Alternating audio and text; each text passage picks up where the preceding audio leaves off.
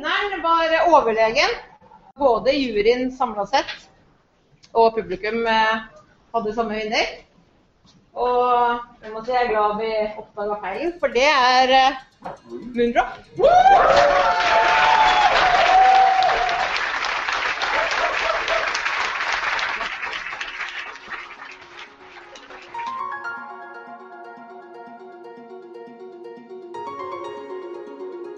Hjertelig, smertelig og uh, gledelig, elskelig velkomst fra Lolbua. Nå er det rett etter valentinerdagen, så vi er veldig amorøse her i bua, meg og Lars. Uh, jeg mm. føler stor kjærlighet for deg, Lars. Takk, uh, takk, takk. Jeg er veldig glad for det. Er det fordi jeg har hatt bursdag? Er det? Har du hatt bursdag? Ja, ja det har du hatt. Takk ja, ja. for uh, Gratulerer med vel overstått. Har du bursdag på valentinerdagen? Nei, dagen etter. Så det er sånn der først, først masse kjærlighet, så kommer jeg. Det er en naturlig oppfølging. Vi er jo Det er jo sånn at jeg er jo gift, jeg har kone, så jeg har jo masse plikter når det er valentinerdagen. Er, jeg står i kø med en masse andre mannfolk for å kjøpe blomster, og så er det litt konfekt, og gjerne en, en ekstra gave utover det, da. Så det blir alltid satt pris på. Men du er jo singel. Mm. Er det er valentinerdagen som alle andre dager, eller går det å føle ja. på det å være singel? Driver jo og gråter mye, da. Det må jeg innrømme. Eh, og så er det litt selvskading. Men ellers, eh, alt er bra. Men vi har en som har hatt en mer aktiv valentinerdag enn de aller, aller fleste i Norge. Han har nemlig gitt ut dataspill på valentinerdagen, altså 14.2. Velkommen skal du være, Andreas Fuglesang. Takk skal du ha, Jon Cato. Du er med oss live direkte fra Hamar. Stemmer det. Men er du fra Hamar, eller flytta du til Hamar? For du er jo vel en del av spillutviklermiljøet i Hamar? Eh, jeg er opprinnelig fra Elverum, så ikke lange stykker. Noen steinkast uh, unna, altså. Ja. Vel, du ga ut spill på valentinerdagen. Åssen var det? Uh, det var godt. Vi har jo jobba på det i fire år, så det har jo gått med litt tid å lage det. Erfarne lyttere, de som har vært med oss lenge, de vet jo at tidligere så brukte vi å ha sånn eh, Vi hadde to En gang, tror jeg, sånn livesending fra NM i Gameplay på Tilt. Mm. Der vi streama tror jeg, i seks eller syv timer i strekk, mens alle drev og kjøpte Ratziputs og Fernet og andre ting til oss. så den, det ble en ganske fuktig stream til slutt. Men der, det året, det er vel fem år siden, tror jeg, at du, Andreas, og, og ditt selskap Moondrop vant NM i Gameplay med dette spillet som dere har lansert i dag. Ja, stemmer. Eh, det året var jo tema temperatur. Så det var det her spillet vi da lagde som prototype, da. Ja. Vi skal snakke mer om det spillet etterpå i, i neste bolk, men uh, det, det, er litt spennende. Lars har nemlig funnet fram lydklipp fra når vi snakka med deg for fem år siden òg, så da kan vi sammenligne litt med hva, hva du sa da, og hva spillet har blitt nå. Men før det så tar vi den vanlige gjennomgangen av hva som har skjedd siden sist. Det blir jo veldig greit for deg, Andreas. Hva har skjedd de siste fem årene? Skal du dra fram et høydepunkt fra du sist var med i Lolbua? Ja, jeg har gitt ut spill. det er vel kanskje høydepunktet, eller Det er jo en av mange på så mange år, men uh, i hvert fall det som er mest i minnet akkurat nå. Lars, hva har du gjort siden sist? Du har hatt bursdag. Mm. Whoop, whoop, whoop. Eh, 42, er det du er nå? Eh, vi kan godt si det. 43 ble jeg ja. 43, ja. i går. Jeg, fikk, eh, jeg, var veldig fornøyd med gavene, for jeg hadde litt sånn samling med vennene her oppe. Og da fikk jeg uh, Philips Hue, mer Philips Hue, som er liksom den store slageren uh, nå for tida. Så vet, Det er sånne lyspærer som kan skifte farge og dimmes og sånne ting. Ja, og så det som er gøy, det er at du kan kontrollere de med mobiltelefonen din eller whatever. Google Home og de er jo sånn wifi-basert. Wifi så ja. det, det, er gøy. Når du skal legge deg bare opp med mobilen, eller bare prate til mobilen din, skru av lysene, så bare boom, alt, alt er av. Og så ferdig med det når du kommer hjem. Jeg har ikke helt uh, innfunnet meg med hvilken farge eventuelt vil at de skal være, for det er litt sånn distraherende. Så ser det ut som du selger narkotika eller uh, er prostituert når du liksom begynner å uh, lyse lilla og whatever fra stua di. Så jeg vet ikke helt hvordan det, hvordan det blir, da. Men jeg er veldig fornøyd. Og så fikk jeg et uh, sånn her uh, shitty helikopter fra Mats. Sånn her fjernstyrt drithelikopter til sånn her noen hundre kroner. Men det fungerte ganske bra. Krasja bare én gang. Vanligvis så er det sånn du letter med de her drittleketøyene, uh, og så går det rett i veggen og sånn. Men denne gangen ja. så funka det, funka det ganske bra.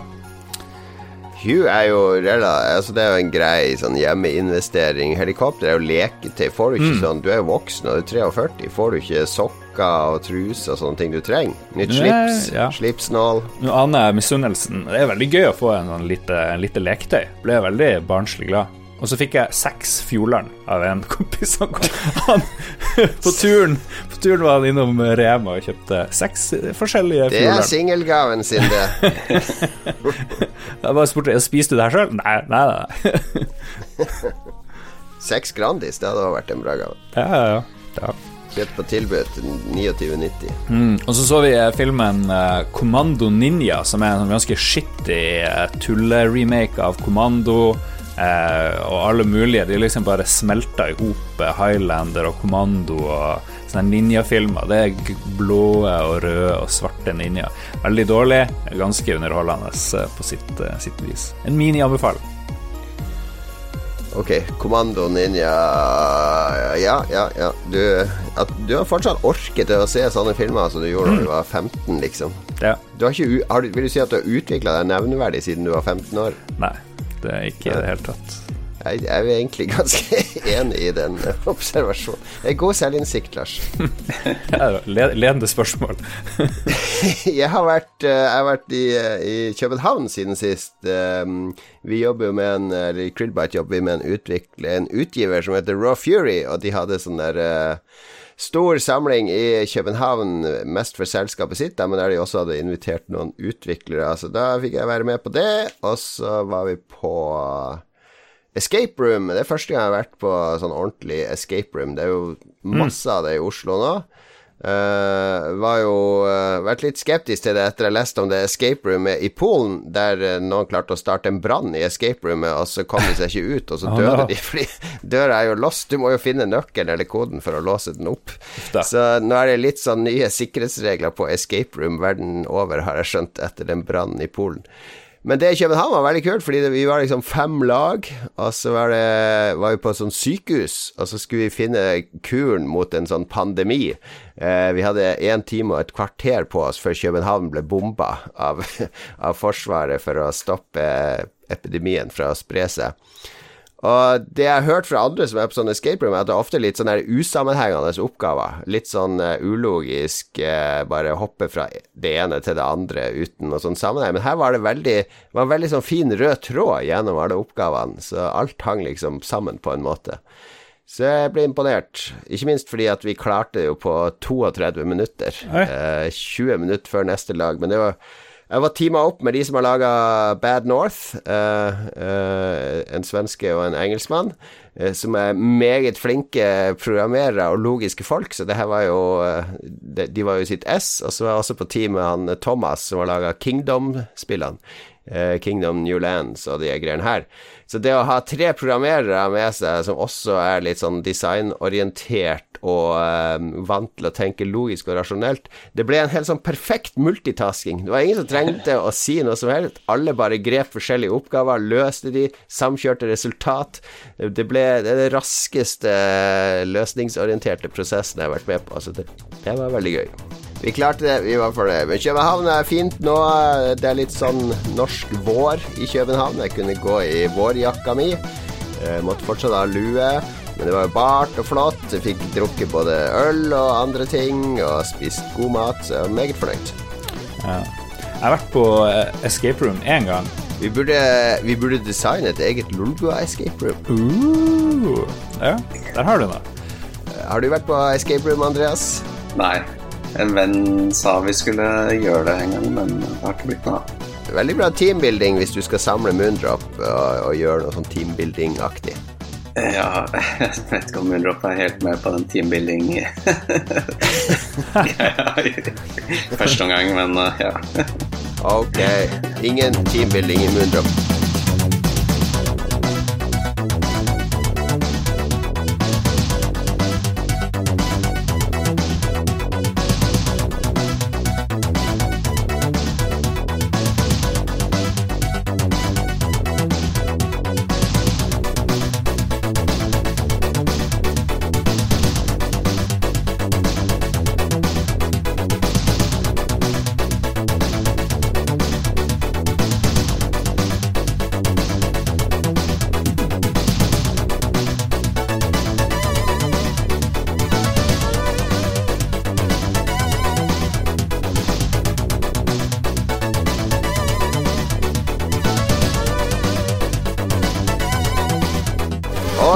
Vi tilbake.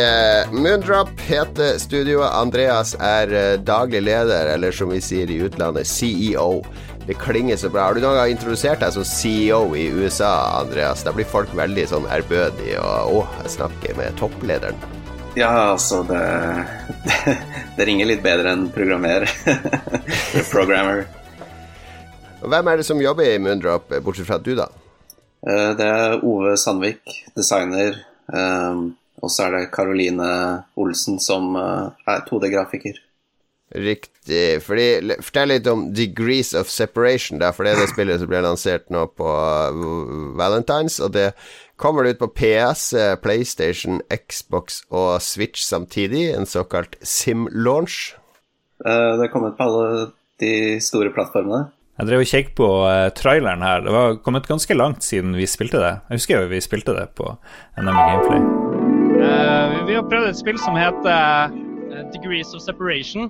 Ja, og det var jo rimelig genialt. Vi har tatt opp en video som vi kan flekke på straks. Men man spiller en dude som er ganske kald, og så spiller man ei dame som er ganske varm. Hun er hot. Hun er hot.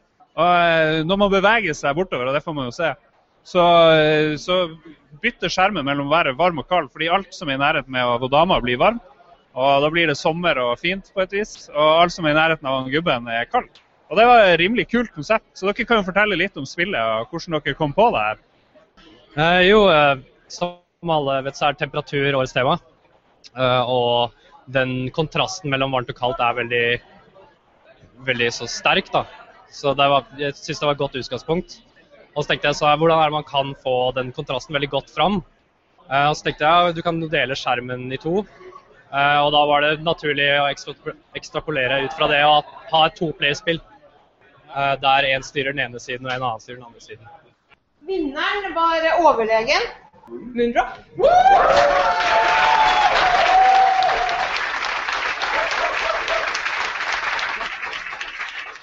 Nå kommer det sportsspørsmålet. Hvordan føles det nå?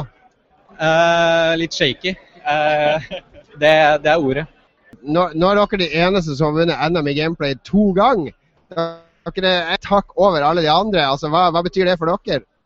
Nei, jeg håper det viser at det, vi vet hva vi driver med. Ja, vi prøvde det jo. Jeg, jeg, kjøpte jo Jeg har jo prøvd spillet òg, da. Og det er jo For det første er det jo utrolig pent. Og så har det jo vært uh, veldig flink med musikken. Passer veldig godt til. Og så føles det veldig Det er veldig sånn uh, Det er 100 puzzle-basert, har jeg rett i den antakelsen. Jeg har bare spilt halvannen time. Men det, det er liksom ikke noe sånn action, i hvert fall ikke det jeg oppdaga ennå. Det er Du kommer til Du må løse oppgaver for å finne skjerf og andre ting. Ja, eh, vi brukte jo litt av designet til Super Mario 64 i hvordan vi strukturerte brettene, hvor i Super Mario 64 så har du da stjerner du trenger å samle, eh, og noen av de kan jo være litt sånn puzzle å finne. Mm. På samme måte her, du trenger et visst antall skjerf som er låst bak puzzles da, for å komme videre i spillet. Hvorfor i all verden valgte dere skjerf? Hva skal skjerfet symbolisere? Uh, Ove hadde kanskje svart på det bedre, men uh, det er f.eks. at uh, det er noe som kan knytte noen sammen, pluss at det er jo en kald verden, så det er jo fint med skjerf mm. når det er kaldt. ja, det er noe symbolikk der. som jeg ikke er 100 eh, Åpenbart. fordi hele gimmicken med spillet er jo at du styrer to personer, og hun ene er i, liksom i sommeren, eller den varme Har en varm verden rundt seg, og den andre har en sånn kald vinterverden rundt seg. Og, og, så er det sånn strek som skiller, eller en sånn grense som skiller de to, da, som eh, roterer rundt avhengig av hvor de to personene står i forhold til hverandre. Men altså kan man spille det to sammen, der man styrer hver sin, ikke sant? så da må man koordinere hvordan man posisjonerer seg i forhold til hverandre, og, og holde nede spaker, eller dra i, stå på ting sånn at den andre kommer seg opp, osv. Uh, det, det er hele grunnprinsippet bak uh, spillet, og alt annet i spillet er liksom uh, basert på, på, det, da. Ja, stemmer. Vi la til en single play-modus, men den opprinnelige ideen som dere vet selv, er jo på en måte den coop-opplevelsen. Mm. Mm. No, jeg bare spilte singleplayer, og det fungerer veldig fint. Uh, jeg, jeg, trodde med en gang at det skulle bli mye styr med å drive og måtte mikromanage begge, men de følger jo etter hverandre helt perfekt, og man trenger liksom det, går, det gikk veldig greit, så, så jeg, vil ikke, jeg, vil ikke, fraråde noen å, å, la være å spille det, selv om de ikke har noen å spille med umiddelbart. Ja, vi har gjort tilpasninger for singleplayer, så mm. Hvordan er det med Hvordan approacher dere story og sånn? For det er jo åpenbart at her er det sånn game design-element som, som, var utgangspunktet for spillet. Altså dette eh, varme og kulde, og, og, hvordan det påvirker landskapet eller omgivelsene. Men hvordan eh, får du fram en story, story, ut fra det? Er det liksom bare noe som blir slengt på i siste liten, eller er det noe som man grubler på fra starten av? Uh, nei, det var eh, Ove som hadde lyst til å lage story som omhandla uh, på en måte forhold. Hver verden går litt inn i måte psykologiske stadier. Da. Man kan være i et forhold som man er sur på hverandre, man blir nyforelska, man møter hverandre. Man kommer over konflikter, sånn type ting. Så det er på en måte den kjernen for hele historien som skjer i spillet. Jeg har ikke kommet til det nivået der man bare er uh, lei og sliten og sitter hjemme og ser Netflix hele kvelden ennå, men uh, jeg regner med det er et kommende nivå. Det stemmer, det. Hvor, Eventuelt en DLC. Hvor lett eller vanskelig er det å ta den avgjørelsen at ok, nå har vi vunnet NM i gameplay, um, og så var det vel sånn at dere skulle egentlig ikke være med i finalen, husker jeg. Det var en sånn dramatikk det året. For det var sånn der stor shocker mens vi drev og streama det her live, at å oh shit, nå skulle liksom Moondrop likevel være med i finalen, eller noe sånt. Og så vinner dere hele greia, og så tenker man ok, skal vi gjøre noe mer, med det her spillet? Skal vi liksom finne på noe annet? Hvordan er den avgjørelsen der, da? Jeg tror det egentlig var ganske greit for oss. Vi ga ut Amfora. Um, så var det da på en måte spørsmål hva er neste prosjekt? Um, og selv om vi hadde mange, så var den ideen her såpass den var på en måte definert, da. Um, mm. Så sånn sett var det på en måte veldig lett å ta tak i den videre. Det, det, her er vel det andre NME Gameplay-vinneren som jeg tror blir uh, ferdigstilt. Fordi Shiftlings vant vel òg et år, så jeg tror det er bare de to spillene som har blitt uh, Eller de to prototypene som har blitt fullverdige spill. Ja, Agent versus Villains, vant ikke de det året? Ja, eller var det i finalen? Jeg husker ikke. Ja. Um, vi må jo ta en sånn bakgrunnssjekk. Um, hvor gammel er Andreas? Hvordan begynte man å spille? Alle den der. Er du en sånn Amiga-dude? Er du en Nintendo-mann? Uh, er du en uh, Engage-mann? Uh, hva er bakgrunnen her, liksom? Jeg er egentlig Windows 95-mann. Nei. Nei, egentlig Windows 3-mann. Jeg har ikke noe sånn klart punkt hvor hvor jeg på en måte når jeg startet spillet. Eh, det var jo bare mm. en del av livet mitt da jeg var ung. Eh, jeg er for så vidt 32. Ja, eh, ja. Hva var de første store spillene liksom, som du husker? Oh, shit, nå gamer vi. Nå kjører vi. Det kan hende det er Doom. Oh, det er en bra start. ja. Nei, det er litt sånn vagt. Jeg har mer sånn sterk et, et, måte, punkt i livet mitt hvor jeg på en måte bestemte meg for å bli spillutvikler. Ja, ok. Ja, hva det var som skjedde da? Eh, det var eh, etter jeg hadde spilt sånne rare spill, sånn RPG-greier, eh, på en sånn demo-CD som viste seg å være Final Fantasy 7. Uh. Men jeg var på butikken, kjøpte da Final Fantasy 8, for jeg tenkte det var sikkert også like bra som 7-eren. Mm. Men når jeg så den intro-CG-filmen til Final Fantasy 8 når det starter, da innså jeg at det her har jeg lyst til å være en del av å lage. Mm. Ja.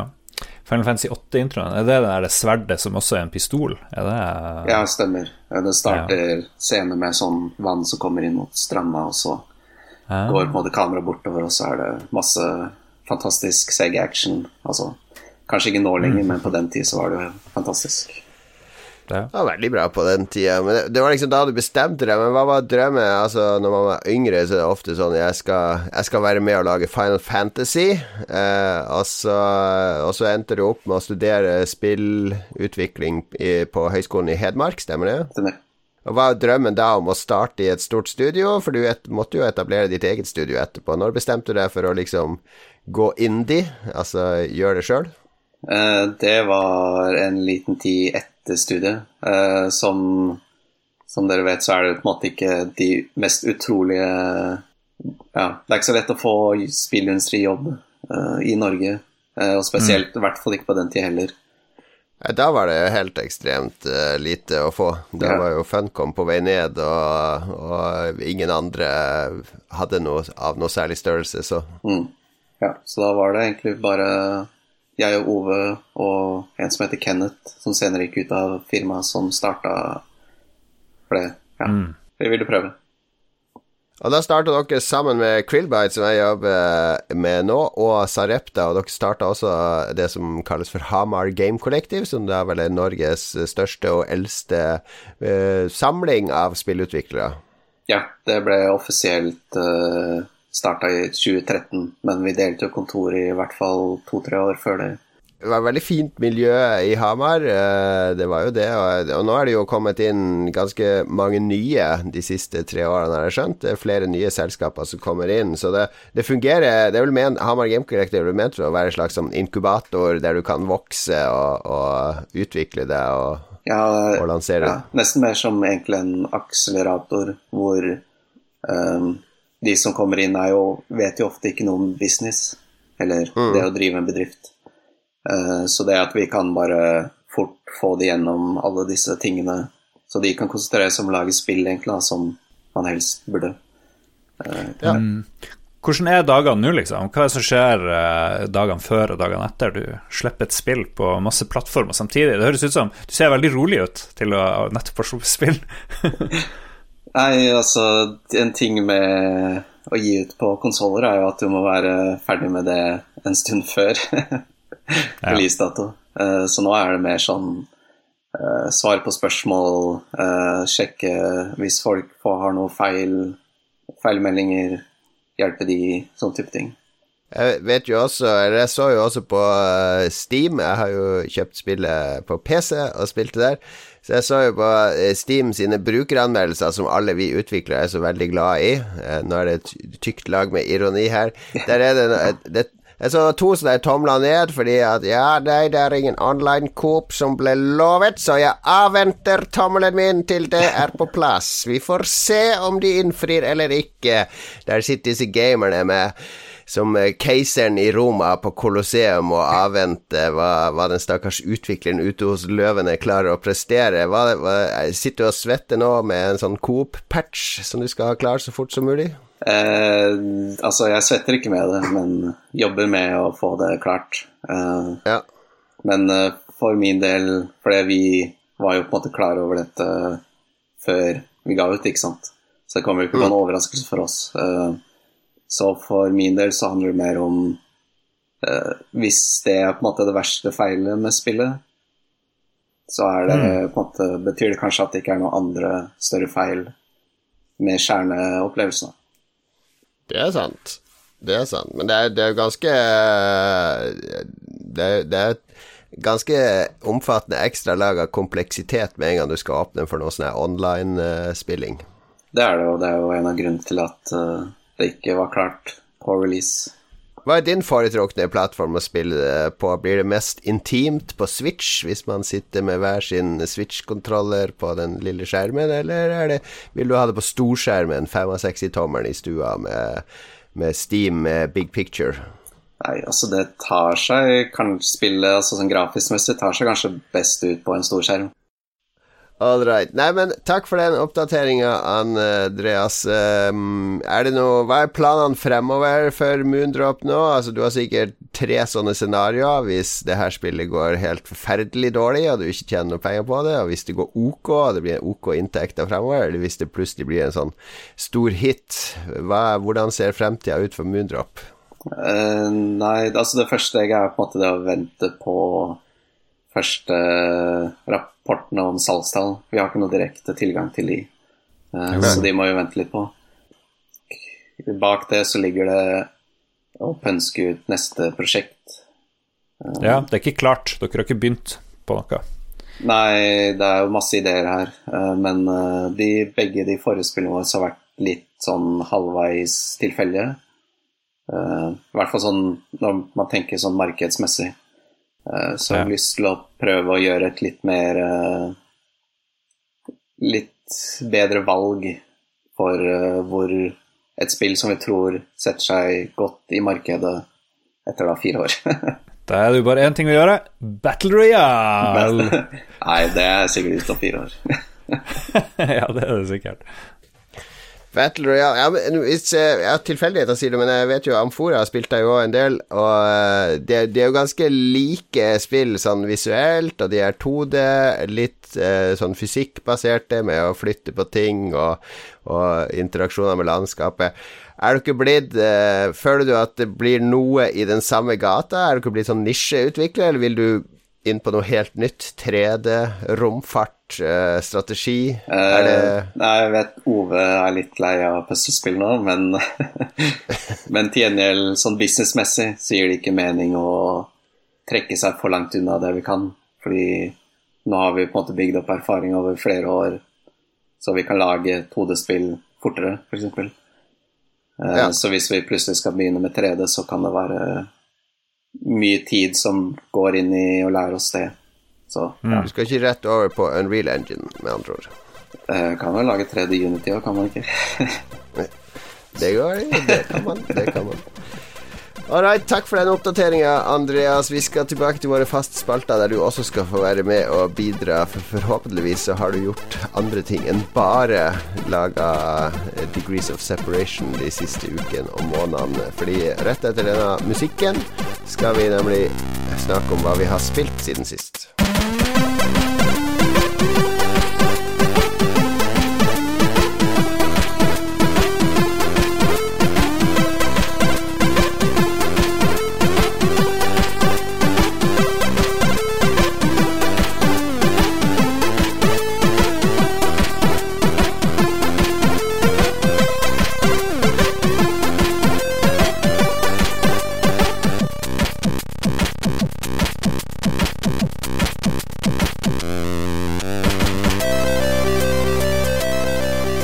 Er du klar? Har du noen nye spillopplevelser å dele med eh, oss og lytterne? Mm, jeg har most videre i Apex Legends. Eh, veldig lite, egentlig. Jeg har ingenting egentlig fornuftig å si, bortsett fra at jeg fremdeles suger. Um, så sånn er det. Donkey Kong Country spilte jeg da jeg var på tur i Trondheim, på sånn bedrifts reise hjem. Et par dager der nede så møtte jeg Joakim, tror jeg det var. Flaut å ikke huske hva han het i farta. Joakim tok intervju med han mens vi spilte Donkey Kong Country osv. Han er en arkitekt som uh, er veldig fan av City Skyline og sånn, så det var litt morsomt. Eller, hvilken Donkey Kong Country er det du snakker om? Er det den på Super Nintendo, det aller første, eller er det disse nye på. Wii U og Switch? Uh, på uh, Super Nintendo. Satt på der ja. Work Work, som er en sånn uh, Hva man skal kalle det? Tilt Light i Trondheim.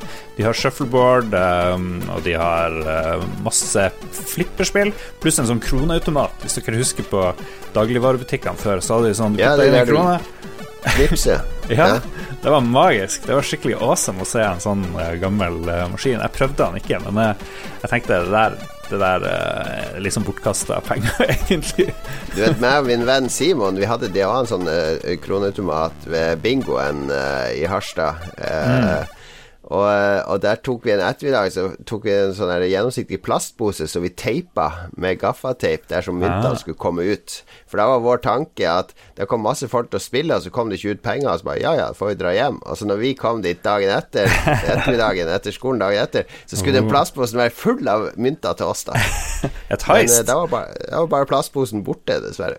Ja, ja. Den ga mye gode minner, men så satt vi og spilte drakk øl og spilte Donkey Kong Country, og det er ganske vanskelig spill, altså. Eh, den jævla første minecart-levelet der, det er bare fuck, fuck that shit. så det var ganske dårlig. Så det må jeg øve meg på. Men det er nå det jeg har eh, egentlig spilt i det siste. Yeah. Ok, Donkey Kong uh, Country. Jeg kan si jeg har spilt, uh, jeg har spilt Degrees of Separation nesten to timer, det nevnte jeg allerede. Uh, jeg skal jeg sparer det litt fordi jeg har lyst til å spille det med, med en av ungene. Jeg har jo en tre unger, og en på 9 og en på 17, og det passer veldig bra å spille med begge de to, tenker jeg. Mm. Eh, se åssen det går. Vanligvis i sånn coop-spill så blir jeg jo så sint når ungene eh, gjør feil, og, eller hvis, vi, hvis progresjonen går trått fordi ungene ikke følger med. Jeg har høye krav til mine samarbeidspartnere, men jeg tror det skal gå ganske greit her. Her, er ikke så mye å fucke opp. Mm. Eh, så, så, jeg sparer det. Men jeg er veldig fornøyd så langt. Det er veldig fin eh, Det er sånn det er sånn rar eventyrstemning, føler jeg. Det er ikke sånn norsk folkeeventyr, men det er, det er sånn eh, litt sånn universelt eventyr. det er ikke Ringenes herre. Det er en sånn mellomting mellom mange ting, men det er fortsatt en eller annen sånn det er en sånn naturforbindelse som jeg liker veldig godt. Du er alltid i naturen, selv når du er innendørs, så føler, føler, du det nærværet av naturen via varmen og kulda. Uh, så jeg liker det veldig godt så langt, men det jeg har spilt mest nå i helga, er jo Anthem, det nye EA BioWare-spillet som kom uh, ja, Hvem vet når det kommer? Det er jo sånn tre-fire lanseringsslippdatoer på det, avhengig av hva slags tjenester du abonnerer på og sånn. Ja. Men jeg har, jeg har den derre EA ja. det, kom, eh, det, kom, på bursdagen min. 15. februar kom det først, og så er det vel 22. februar, noe sånt, tror ja. jeg, kommer det for alle. Ja. Jeg spilte i sånn ti timer, kanskje. Uh, det er Det er veldig vanskelig å, å, finne ut hva det spillet egentlig er, for det er litt sånn klassisk BioWare med uendelige dialoger med folk i en sånn stor by. Og så er det ute og fly og slåss mot masse folk, og der er det veldig Destiny-aktig med at du skal stå og passe på en ting mens det kommer 100 fiender mot deg. Uh, eller du skal trykke på en knapp, basically. det, det, er stort sett det man gjør. Uh, og, også, men så er det veldig Jeg klarer ikke helt å få grep på om det har noe dybde eller ikke, fordi det virker som det ikke mm er så dypt som det prøver å være. Det sliter litt med å kommunisere konsekvensene av handlingene mine, syns jeg. Jeg har masse sånne powers som jeg aldri er helt sikker på hva egentlig er effekten av. Fordi det bare utløser en animasjon, og så går helsa litt ned på fiendene. Altså, jeg vet ikke effektiviteten av ting. Jeg føler spill som Destiny og Division, som er de som er mest sannsynlig mest sammenlignbare, gjør en mye bedre jobb med å kommunisere eh, konsekvensene av handlingene dine. Mm. Så foreløpig så sitter jeg veldig på gjerdet, men jeg har liksom Jeg vil fortsette å spille det, men nå er jeg kommet til et sånn grindeoppdrag som er sånn ulidelig kjedelig, der du skal fly rundt på måfå og finne fire sånne eh, steder, bare for å finne de, eh, ja. som, som eh, er en litt sånn blokker. Men jeg må komme meg forbi det og spille litt mer for det. Jeg syns jo det ligner veldig mye på Destiny, egentlig, spesielt noen mission, hvor det er sånne sirkler du må stå inni for å få en timer til å gå videre. Sånn. Det, det, var jo, 90% av missionene i ja, ja, ja. Destiny. Er det veldig mye sånn, eller virker det litt sånn annerledes? Det er veldig mye sånn. Det er nesten ingen variasjon i oppdraget. Og så er det ingenting Det er ingenting som det er sånn fullstendig dissonans i uh, Fordi du er i en diger som by som er utrolig vakker. En svær sånn storby fullt av folkeliv og folk, og etter hvert så blir det eh, sikkert 20 NPC-er der som du må drive og snakke med jevnlig og få oppdatering på sånne underplotlines og sånn. Men det er sånn total skille mellom i den byen og utafor byen. Altså, ja. du møter aldri noen, eller nesten aldri noen utafor byen. Det er absolutt ingenting liv utafor byen, bortsett fra monster og dyr som beveger seg rundt. Mm. Så du møter liksom ikke en karavane som står fast. Det er et oppdrag med, en, med sånn her, eh, et frakteskip som står fast, og en dude som er inni det skipet. Men eh, bortsett fra det, så er det bare å fly dit. Her er det masse fiender, drep de. Trykk på en knapp. Fly dit. Drep alle de fiendene, trykk på en knapp. Oppdrag ferdig. Det er ingenting, ingenting av det som skjer i byen, føles som det har sammenheng med det som skjer utafor byen. Så jeg ja. sliter litt med å skjønne hva tilhørighet til den verden, rett og slett. Du drev jo og prøvde å sjekke opp på der eh, dama i baren. Eh, du delte en video med dine Jo, det er fulle bakeren. ja.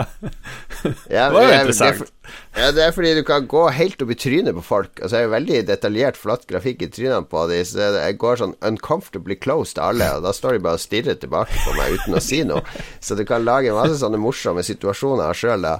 Men hun det var en sånn dame som bare drakk og drakk i den der baren, og så viste det seg at hun var baker, så hun var deprimert fordi hun, det var slutt på melleveransene til byen. Eh, og da tenkte jeg ja, det kommer det sikkert sånn oppdrag der jeg må rydde en mm. ravine, sånn at melkaravanen kan komme fram til byen. Men nei da, det var bare å gå og snakke med ei anna dame på andre sida av byen. Som mm. hadde drevet og forska på å lage innendørs åker, så de kunne ja. få korn, dyrke korn inn i byen. og så gikk jeg og snakka med henne, og så måtte jeg tilbake til henne i baren og snakke med henne. Jeg kan ikke du joine med henne? Og så yes, da var det Da hadde jeg liksom hjulpet de to. Det, det, det liksom de, Hele det problemet ble løst inn i byen bare ved å snakke med folk. Det er jo ingenting du kan gjøre i den byen, bortsett fra å snakke med folk. Det var ingen actions du kan gjøre. Men det høres ut som noen har lagd en JRPG i 3D, hvor du må gå i sånn sneglefart gjennom byen og snakke med absolutt alle i stedet for å kunne gjøre det litt fort, se det ovenfra i 2D og kanskje springe litt rundt i byen og ja, snakke med alle. Ja, og du går virkelig sakte i den byen òg. Og det verste Først så er den byen ganske liten, så er greit jeg kan gå opp og ned fra den kjelleren og opp til torget frem og tilbake for å snakke med alle de folkene. Men så går jeg ganske tidlig, så er det sånn Oi, nå er byen tre ganger større. Nå har det digert to torg, og du har tre nivåer. Og så blir det, kommer du tilbake fra et oppdrag, så ser du på kartet, så er det sånn syv dialogikons som betyr at folk vil snakke med deg. Mm. Det er bare å sette av den neste halve timen til å gå rundt. Og det er en vaktmester som har lyst til å lage et bedre transportsystem i byen, og så er det Det er alle mulige folk. Det er veldig sånn BioWare-folk som har Alle du snakker med, skal liksom åpne seg sjøl til det. ok. Men uh, selve gameplay og flyginga og skytinga er kanskje gøy? Jeg vet ikke. Flyginga er bra. Skytinga er det noe galt med. Sånn sniper tar et halvt sekund fra du trykker 'skyt' til kula går ut av løpet, så den er fullstendig verdiløs. Men det tror jeg er for å balansere den, fordi den skader så mye. Men det er, det er langt fra noe Destiny-skyting. Dårligere enn Division òg, syns jeg. Vet ikke om jeg fikk veldig lyst til å spille. Endelig, endelig. Vi har ingen i Lolbua som eh, liker Eller som klarer takle Kingdom Hearts, så endelig skal vi få en Kingdom Hearts 3-rapport. Ja, jeg har jo sneket inn litt tid på å spille ferdig Kingdom Hearts 3. Uh, ja. Kan du kort oppsummere handlinga i Kingdom Hearts frem til nå? Vær så god. Ja, du går på YouTube, og så søker du på akkurat det som er er, er, du en av de Kingdom Hearts-spillerne som har spilt alle spillene, inkludert DS-spillene og sånne ting? Langt ifra. Uh, Nei. Uh, altså, storyen ga mening det første spillet, uh, og kanskje så vidt det andre, men til nå så er det litt sånn Vet ikke helt hva som skjer. Men det er ikke helt storyen jeg nødvendigvis spiller det for. Og det er combaten i Kingdom Hearts-spillene er en av de prakteksemplene på hvordan man gjør sånn type action combat. Mm, veldig, mm, ja. veldig bra. Ja, for det er de perfeksjonert i treerne, har jeg skjønt? Ja og nei. Eh, det er ganske likt som de andre spillene. Dessverre et problem med Kingdom Hearts 3 er at uh, du får faktisk veldig få sjanser til å gjøre den combaten. Det er veldig mye mm. sånn minigame og sånn gimmick-opplegg som skjer. Mm. Uh, så det, det, er litt synd. Er du sånn eh, Disney-fanatiker Disney òg? Derfor du setter pris på den kombinasjonen JRPG og Disney? Nei, ikke Disney. altså Jeg setter pris på Disney på mange måter, men uh, det kommer jo mest fra den Final Fantasy-verdenen. Uh, I hvert fall de første spillene. Uh, men nå er det jo ikke noe Final Fantasy Kingdom Hearts 3. Nei, det, det er flere som klager på det, at Final Fantasy-elementene var liksom utradert plutselig. Ja, veldig overraskende, egentlig. Men hvordan likte du det her i forhold til de to forrige, da? Jeg vil ikke si at det er, er noe bedre enn de forrige. Hvis man har spilt de to forrige og likte de, så burde man prøve treeren. Eh, det er mm. helt klart. Eh, men det er ikke perfekt på noen som helst slags måte. Alle Kingdom Hearts-fans jeg møter, må jeg spørre dette spørsmålet. Hvem, hvem liker du best, Donald eller Langbein? Det er jo dine to companions. Altså Hvis du måtte sjekke opp med en av de resten av livet, hvem ville du bodd med? Donald eller Langbein? De er jo et team. de er en enhet. Kan ikke velge en. De er på skjermen De er alltid på skjermen på samme tid. Ja, det er jo det. Har du lest Kotaku-anmeldelsen til Tim Rogers? For han bruker Han er verdens beste spillskribent. Og han bruker Donald og Langbein som sin samvittighet, da. Langbein er den glade, ikke sant, som elsker alltid Kingdom Hearts, og som unnskylder det og sier at det er jo bare gøy, det er morsomt. Mens Donald er den kritiske som bare Hvorfor gjør de sånn her? Det her fucker jo opp hele spillet. Så det, det er kjempeartig skrevet. Ja, nei, jeg har ikke lest den, men jeg burde kanskje det anbefaler deg å lese den. Ta en halvtime. Den er dritlang, men den er megamorsomt skrevet. Spesielt hvis du er glad i Kingdom Hearts-spillene. Ja. Hva er den beste grunnen til at jeg bør spille Kingdom Hearts 3 når jeg ikke har giddet å spille noen av de andre spillene? Liksom, hva, er det, hva, er det, som kan overbevise meg om å liksom, hoppe inn der, tror du? Så jeg tror nok mange kan finne glede i det. Hvis du ser litt bort fra historien, så tror jeg mm. man kan finne mye glede. For det er jo et utrolig polish spill, og grafikken er jo helt fantastisk. Det kunne på en måte vært en, en Pixar-film, liksom, som grafikken har satt opp. Ja, det er mye du kan finne der, rett og slett bort fra historien, som ikke gir så mye mening. Og så fullførte du spillet, og det er jo et eh, kvalitetstegn, tenker jeg. Ja, altså Det er ikke noe så vanskelig spill å fullføre sånn sett, hvis du på en måte bare gunner igjennom. Ja. Men hvor mye fan må du være av Disney-ting? Jeg liksom tenker jeg er veldig lite utsjekka på Frozen og, og, liksom alt det der. Det er litt vanskelig å si når jeg på en måte har, har sett alle de filmene. Så er det vanskelig for meg å Vite mm. hvor mye det faktisk bidro. Ja. Jeg, jeg, vil se deg spille, for du driver ikke og synger den der 'Let it go' uh, i spillet. Jeg vil se at du synger med uh, hun der dama. Kan vi få det til som en sånn uh, Lolbua-video? Uh, de Altså, ja. Inviter meg til Oslo på noen, på noen dram, så. Ai, ai. Da har vi en avtale. Skriv ned, skriv ned. Har vi en da. Vi, vi driver jobb med Lolbua-idol i nær fremtid, nemlig, så vi trenger flere deltakere.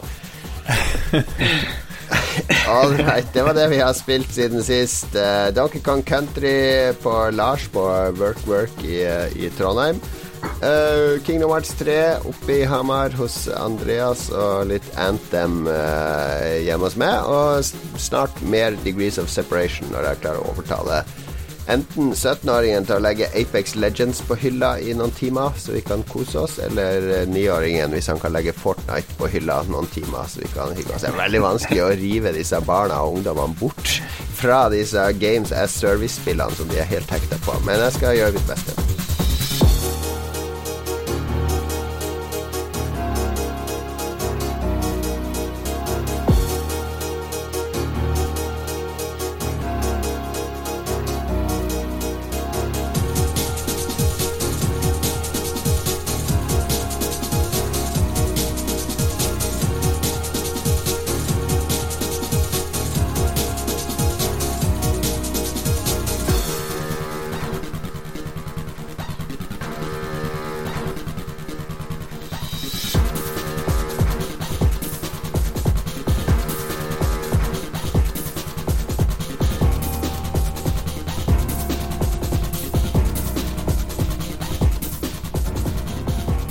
Ukas anbefaling er vår spalte der vi eh, anbefaler noe som ikke er har med spill å gjøre. Her kan det hende at du blir tatt litt på senga, Andreas, hvis du ikke har forberedt noe. Hvis du har sittet med hodet inne i skjermen de siste fire månedene kun med Degrees of Separation.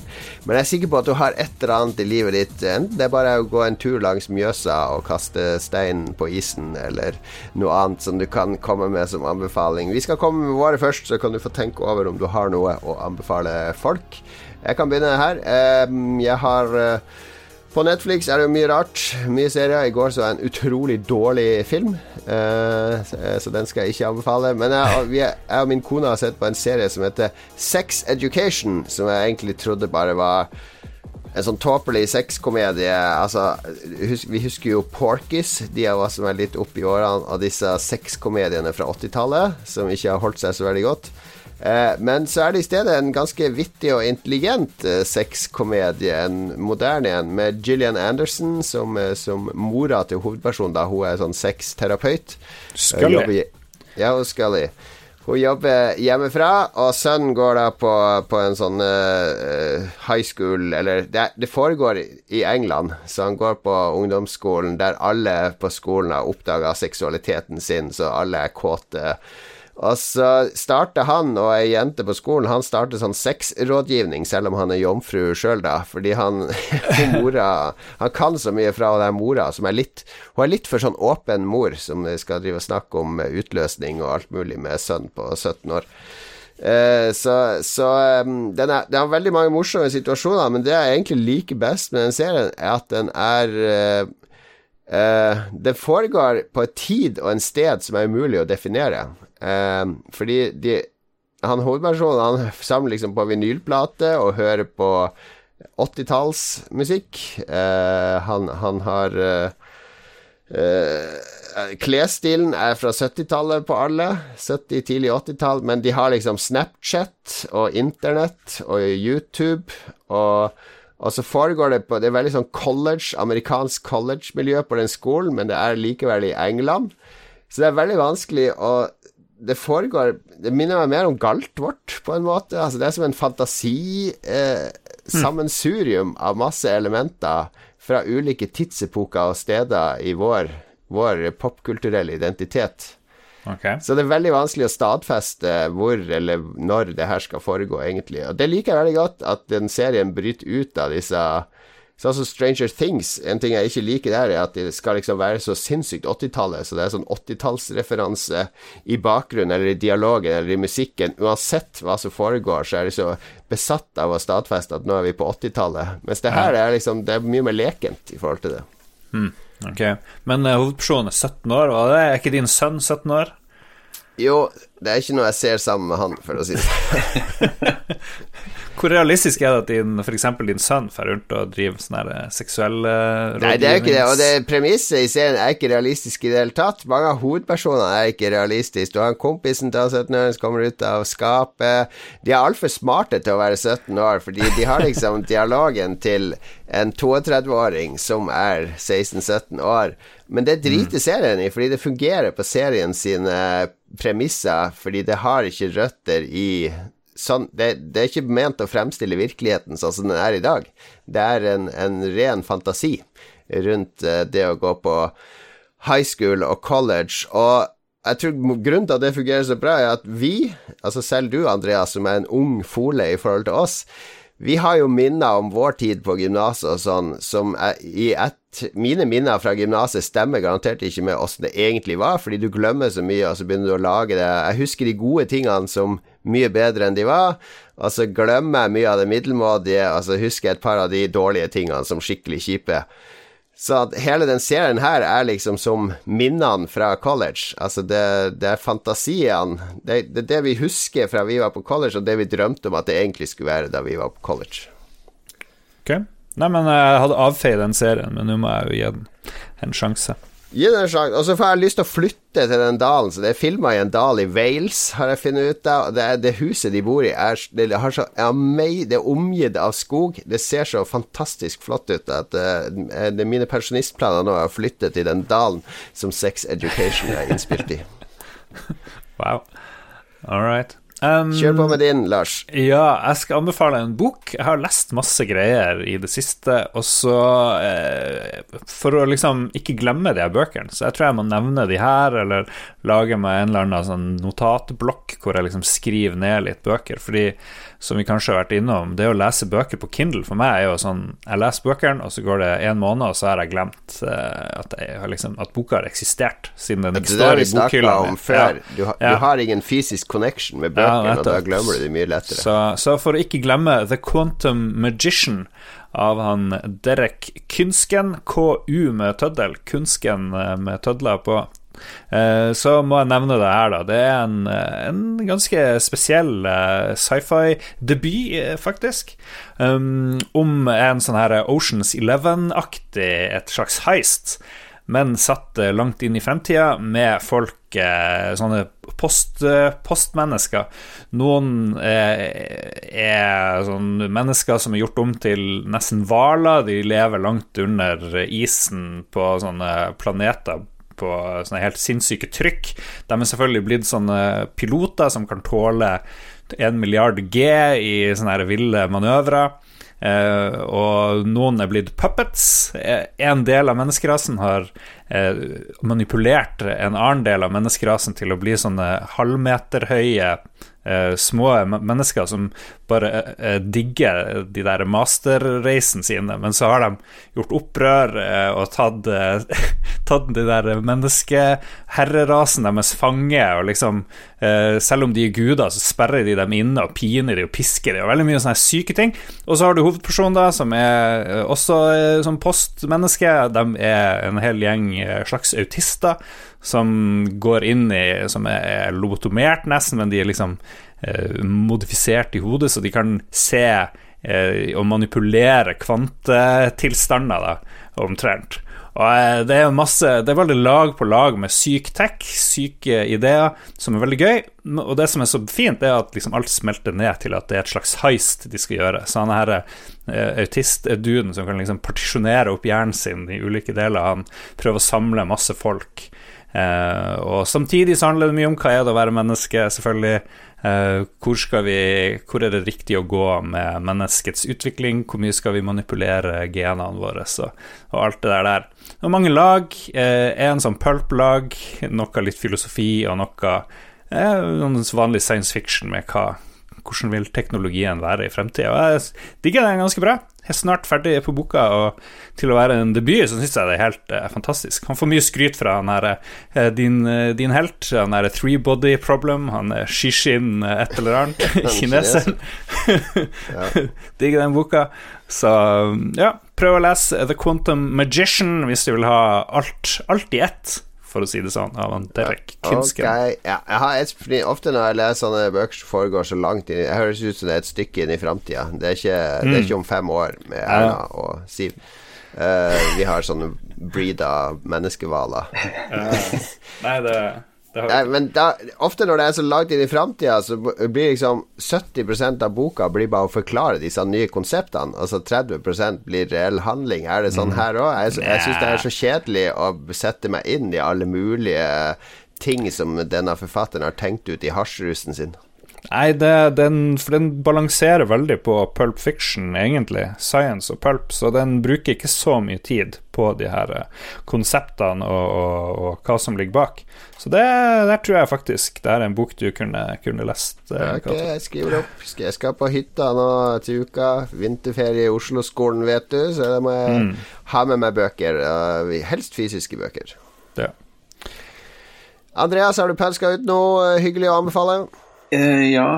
Um, jeg har ikke noen sånn spesifikk bok eller serie, uh, så jeg lener meg heller litt Det kan litt... være mat og alt mulig. Ja, ja. Uh, tur i skogen. Det jeg har lyst til å anbefale, er egentlig kampsport. Uh. Oi. Ja, jeg går og trener noe som heter aikido. Men grunnen til at jeg har lyst til å anbefale det, er fordi som en aldrende gamer så mm -hmm. er det viktig å ta vare på kroppen sin. Sitt, sitter mye foran tastatur og skjerm. Stemmer. Eh, både på ja. morgen og kveld. ja. Eh, men et problem som jeg har i forhold til trening, er at jeg syns det er dritkjedelig å sitte der og løfte vekter. Ja. ja. Eh, men hovedsakelig det kommer fra at da har jeg tid til å tenke det her er dritkjedelig.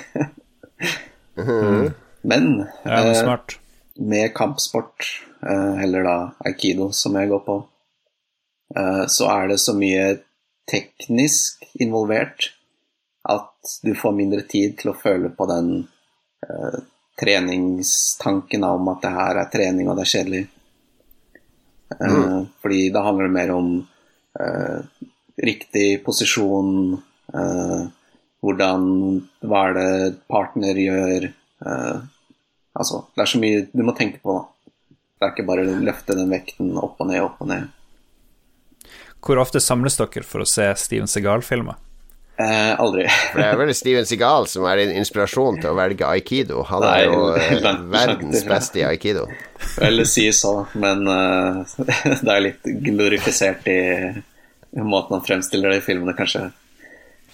Altså Ifølge filmene med Steven Seagal så er det jo bare å vifte litt med, med hendene. Uh, det er jo det, det ja. I hvert fall den, den tjukke Steven Seagal vi kjenner fra de siste 20 årene. Det er ikke så mye annet enn eh, fingrene og hendene som beveger seg når han slåss. En stor eh, kritikk som My Kid ofte får, er uh, det at det ser ikke ut som kampsport. Og altså De som praktiserer det, liker å kalle det kampkunst mer enn kampsport, for det er ikke noe konkurranse i aikido. Uh, du drar ikke på to, noe turnering. Du er der du trener aikido for å styrke deg selv gjennom trening og ja, altså utfordringen av å helt tatt uh, trene noe sånt. Er det aikido som har de der digre buksene? Disse Eller husker jeg feil? Har sånne svære, tjukke bukser som henger og flagrer rundt beina. Ja, det kalles hakama. De er ofte svarte som du får etter du har trent, eller etter du har gradert deg uh, et lite stykke opp. Mm. Ja. Har du dem? De ser veldig comfy ut. Ja, de, jeg har de.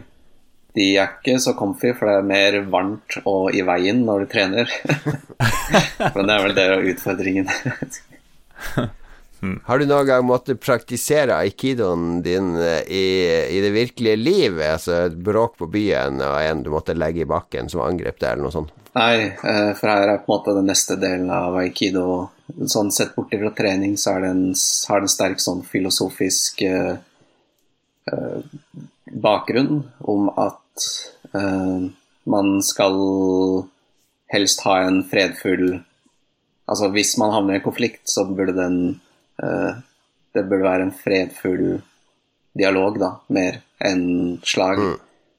Eh, så mm. kampsporten, på en måte, eller en slåssinga av aikido, er mer sånn uh, siste utvei, eller at du kan se Ja, så poenget med aikido er å bruke det man lærer i mens man trener det, til å avverge konflikt. Det virker jo veldig litt sånn virker som du blir kanskje litt myk og smidig da, i hvert fall. Jeg vet ikke. Det er kanskje greit for rygg, ryggfolk som sitter mye. ja, det er en annen positiv ting at du bruker hele kroppen. Det er ikke fokus på bicep, triceps osv. Du ruller jo rundt, mm. blir kasta uh, Ja, bruker hele kroppen. Så det. Kanskje det er min neste greie. Jeg går på svømmekurs. Snart blir det aikido. ja. Yes. Nei, jeg, jeg, skulle ønske det fantes noen skikkelig sånn harry vestlige kampsporter. Jeg vil tro UFC ja. uh, altså Det er jo en, en, sånn fusjon av alle mulige kampsporter, men det er kanskje den mest vestlige kampsporten av alle, som kun handler om effektivitet og brutalitet. Mm. Mm. Uh, synd å si, synd å si det, men Østen er best på filosofi. Vi nærmer oss slutten, for vi har ikke hatt uendelig med lytterbidrag i dag. Vi var veldig tre. Vi sendte jo ut beskjed om sendinga i dag midt i kirketida. Ja, vi gjorde det. De fleste var og ba til Gud akkurat da. Ja, du, du, prøvde jo å be i forrige Lolbua. Nå håper jeg du ikke er veldig kristen, Andreas. Fordi i forrige Lolbua så kom Lars på Han hadde hatt noen misjonærer på døra. Eh, som mm. han hadde invitert inn, og så skulle de be for han, og så skulle Lars prøve å be men Har du fått noen klager på det? Vi, vi har jo av og til tidligere fått klager på når vi kødder med, med kristendom. Det er absolutt ingen som har nevnt der, eh, ja. at vi ba mislykket. Vi ba jo om et tegn fra Gud om at han eksisterte. Og eh, ja det er, Jeg venter fremdeles på svar. Det, du føler ikke at du har fått noe tegn i uka? Altså, han sendte jo en diger storm opp til Harstad, er ikke det nok? Det var, det, var et, det var, rett etter dagen etter sendinga, og så drev jeg og sykla, og så var det sånn Like foran meg der jeg sykla, så var det en sånn bil som skrapte veien, sånn helt perfekt. Og så tenkte jeg, hvis jeg var mormoner, så ville jeg sikkert tenkt at uh, jeg ville tenkt at Gud uh, liksom sørga for at nå var veien skrapt. Men uh, er det liksom Er det sånne tegn? er det godt nok? Eller jeg vil ha noe mer håndfast enn det, liksom. Noe mer sånn Mirakelaktig. Han skrev et brev fra Gud som bekrefter ja. at han eksisterer. Ja, kanskje ikke helt det, men ja, et eller annet. ok, ok. Så jakten på Gud fortsetter. Vi skal ikke be denne gangen, men vi har også en ukentlig avsjekk. Eh, Lars, har du kjøpt billett til Øyafestivalen? Nei. Ok, kanskje neste gang. Uh, er det noe lytterinnspill i det hele tatt? Um, ja, men vi har svart, for det var litt ting om Anthem. Og så ja, okay. var det noe tull fra, fra Philip med F, vår gamle gjest, som selvfølgelig nevnte Final Fantasy 7, som han bestandig gjør. Ja. Philip, så. vår gamle gjest, han er besatt av Final Fantasy 7, så han lurer på om det er noen Final Fantasy 7-inspirasjon i Degrees of Separation, Andreas? Uh, ikke direkte, kanskje indirekte et eller annet sted, hvem vet. Ja, Du nevnte jo tidligere at en eh, Final Fantasy 7-demoen, eller hva det var, var liksom det som inspirerte deg til å kjøpe spill, eller bli interessert i spill? Ja, altså jobbe med spill, i hvert fall. Så det kan kanskje ikke vært noe degree separation uten Final Fantasy 7 i verden. Nå er Philip fornøyd. Nå sitter han og koser seg, det vet jeg, nede i stua si. Eh, nå, nå, står jubelen i taket. Tenk på det her. Jeg ser i chatten nå at han er i ekstase. Takk skal du ha. Philip, der, der har du et salg. Andreas, jeg kjøper skiene. uh, jeg kan nevne at han, han Joakim jeg nevnte, som jeg møtte Eh, var og spilte Donkey Kong med. Det var Joakim André Hodde, så hold ørene oppe for et intervju med han eh, en eller annen gang. Og så møtte jeg også Glenn Eriksen, en annen Lolbua-lytter. Eh, så vidt stor Tottenham-fan, tror jeg. Han drev også Champions League-kamp da Tottenham vant 3-0, var det vel? Eller noe sånt. Er du blitt, for du var jo mest United-fan nå noen uker ja. pga. Ole Gunnar Solskjær. ja. Er du nå blitt Tottenham-fan, er det du sier? Ja, det nærmer seg. Jeg er blitt veldig liten, mye mindre, betraktelig mindre United-fan. Men jeg ser også at i pressen så er det liksom Det har helt forsvunnet, nesten, der uh, Solskjær-fokuset. I hvert fall BBC og The Guardian og sånt. Der var det jo hver dag en eller annen United- og Solskjær-sak. Nå er det nesten ingenting etter det tapet, så jeg føler at kanskje, hvis jeg er heldig, så taper de også mot Chelsea i morgen, så slipper jeg å slipper jeg å følge så mye mer med på den fotballen.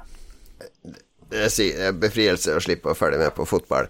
Jeg tror vi bare slutter av der. Eh, takk til eh, alle som eh, hører på. Takk til deg, Andreas, for at du stilte opp på relativt kort varsel og tok deg fri fra kirkegangen på, på en søndag for å være med.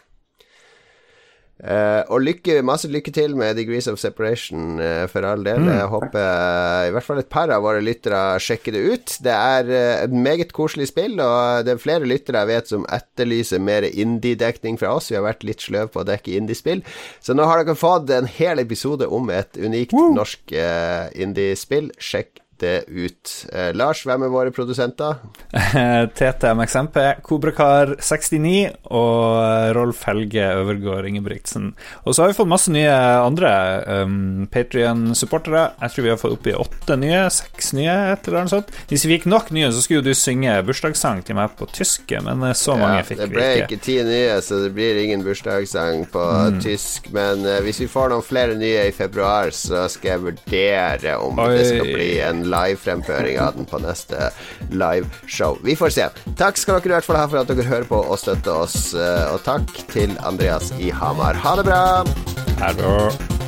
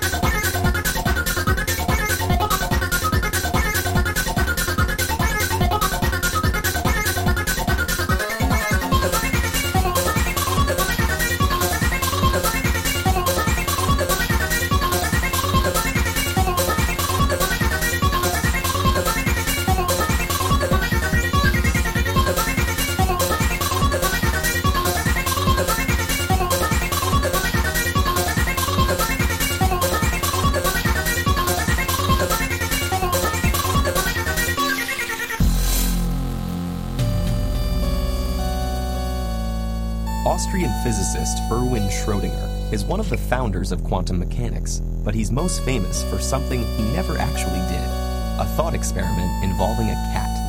He imagined taking a cat and placing it in a sealed box with a device that had a 50% chance of killing the cat in the next hour. At the end of that hour, he asked, What is the state of the cat?